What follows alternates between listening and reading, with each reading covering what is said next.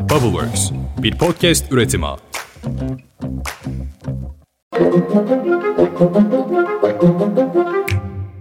Günaydın. Bugün 27 Nisan 2023. Ben Özlem Gürses, Bubbleworks Media ve Pushholder ile birlikte hazırladığımız 5 dakikada dünya gündemine hepiniz hoş geldiniz. Sandığa kaldı 16 gün. Dün geceden itibaren herkesin gündemi Cumhurbaşkanı Recep Tayyip Erdoğan'ın sağlığıydı. Hatırlayacaksınız katıldığı bir canlı yayında fenalaşan Erdoğan dün tüm günü istirahat ederek geçirdi. Tabii birçok spekülasyonda beraberinde getirdiği bu rahatsızlık videosu bugün planlanmış hiçbir mitinge ya da açılışa katılım sağlayamayacak Cumhurbaşkanı. Üstelik yapılan son resmi açıklamada cuma, cumartesi hatta pazar günkü resmi programına da katılamayacağı söyleniyor. Buna yarın açılacak olan Mersin Akkuyu Nükleer Santrali'nin açılış töreni de dahil. Hem Erdoğan'ın hem de Putin'in açılış törenine çevrim içi olarak bağlanacağı açıklandı. Bu akşam planlanan ortak bir canlı yayın vardı. ATV'de, TRT World'de yine Sayın Erdoğan'ın katılacağı. O yayın da tamamen iptal edildi. Spekülatif haberlere göre özellikle yabancı basın üzerinden Erdoğan'ın bir kalp krizi geçirdiği iddia edildi. Bu iddia İletişim Başkanlığı'nın resmi açıklamasıyla yalanlandı. Sonra bir başka iddia nükleer santraldeki bir sızıntı ihtimaline karşı bu törenlere katılmayacağı ifade edildi. Bu da yalanlandı. Geçmiş olsun diyelim, biz devam edelim.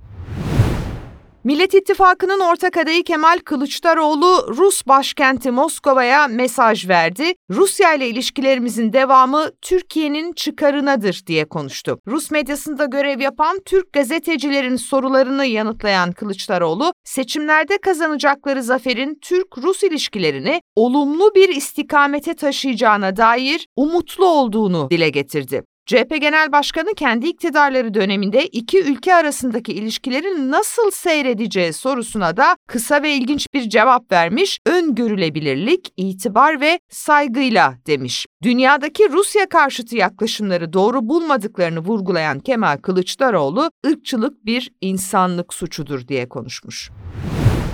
İyi Parti Genel Başkanı Meral Akşener'le birlikte Kayseri'ye giden Ankara Büyükşehir Belediye Başkanı Mansur Yavaş, Cumhuriyet Meydanı'nı hınca hınç dolduran vatandaşlara seslendi. Beka gider dedikleri Mansur Yavaş, onların sürttükleri TC tabelasını duvara çaktı geliyor.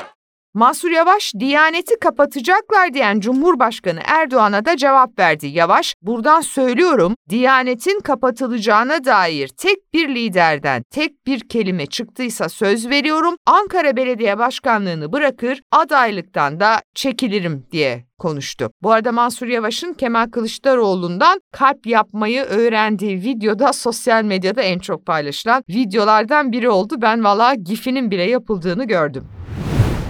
Ankara-Sivas yüksek hızlı tren hattının ilk seferi dün gerçekleşti. Cumhurbaşkanı Erdoğan bu açılışa da katılamadı rahatsızlığı nedeniyle ama hattın Mayıs ayı sonuna kadar ücretsiz olacağını sosyal medyasından duyurdu. Ankara ile Sivas arasındaki bu demir yolu 12 saat olan seyahat süresini 2 saate indirecek. 10 yıldır bir türlü bu açılış yapılamıyordu. Nihayet proje bitirildi. Bu tren hattı Kırıkkale, Yozgat ve Sivas'taki 1,5 milyona yakın vatandaş vatandaşı da seyahat imkanına kavuşturacak. Bakan Derya Yanık Osmaniye'de seçim kampanyasına devam ediyor biliyorsunuz. Yanık'ın seçim otobüsünde bulunan AFAD kolileri sosyal medyada bir anda konuşulmaya başlandı, trend topik oldu. Bunun üzerine Aile ve Sosyal Politikalar Bakanı Derya Yanık, bilgin ve kontrolüm dışında gerçekleşmiştir açıklamasını yaptı. Twitter'dan yaptığı paylaşımda bu görüntüler referans gösterilerek kamu kaynaklarını kullandığımız iddiası haksız ve mesnetsizdir diye yazdı.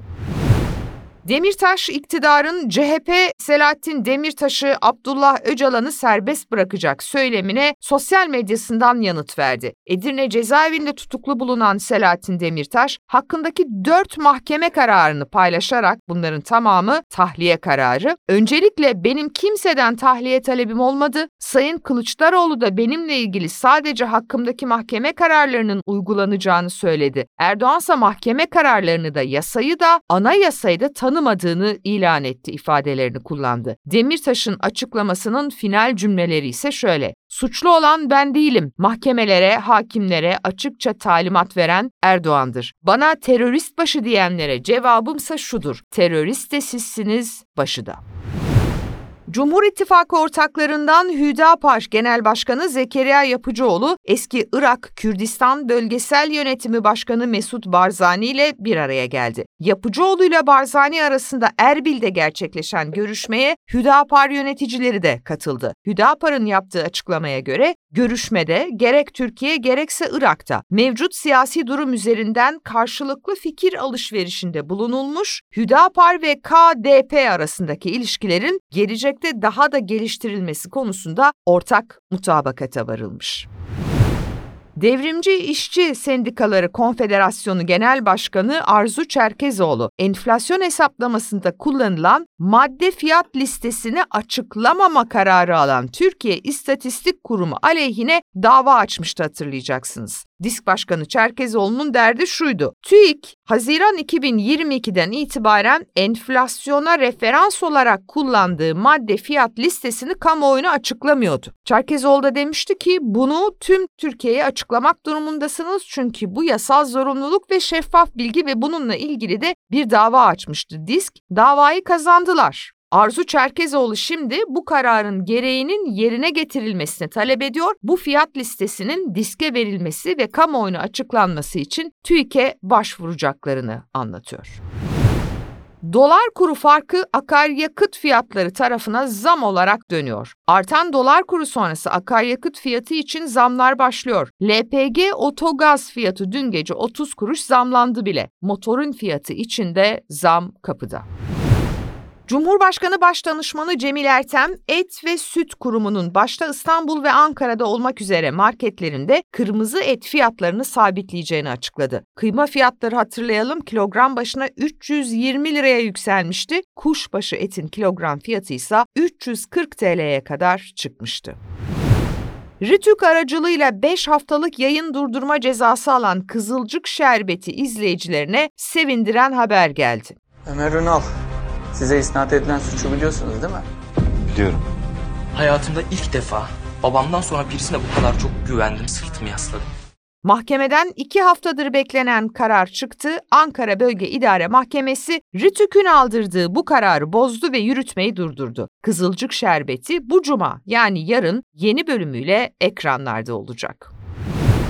Uçan Kuş TV ve internet sitesinin sahibi magazin gazetecisi Can Tanrıyar, İstanbul Organize Suçlarla Mücadele Şube Müdürlüğü ekiplerince Beşiktaş'ta gözaltına alındı. Can Tanrıyar, Muhammed Yakut hakkında yürütülen soruşturma kapsamında Yakut'a video paylaşımlarında kullanılmak üzere bilgi, belge, fotoğraf ve benzeri aktarımda bulunduğu iddiasıyla sorgulanıyor. Hatırlayın Delilerin Delisi diye bir YouTube kanalında Muhammed Yakut isimli bir bir kişi bir süredir hem iktidarı hem siyasetçileri hem iş dünyasını yakından ilgilendiren inanılmaz iddialar anlatıyordu. İşte Can Tanrıyar bu kişiyle beraber şantaj, yağma, aklınıza gelen pek çok suçlamayla iltisaklı olarak şu anda gözaltında tutuluyor.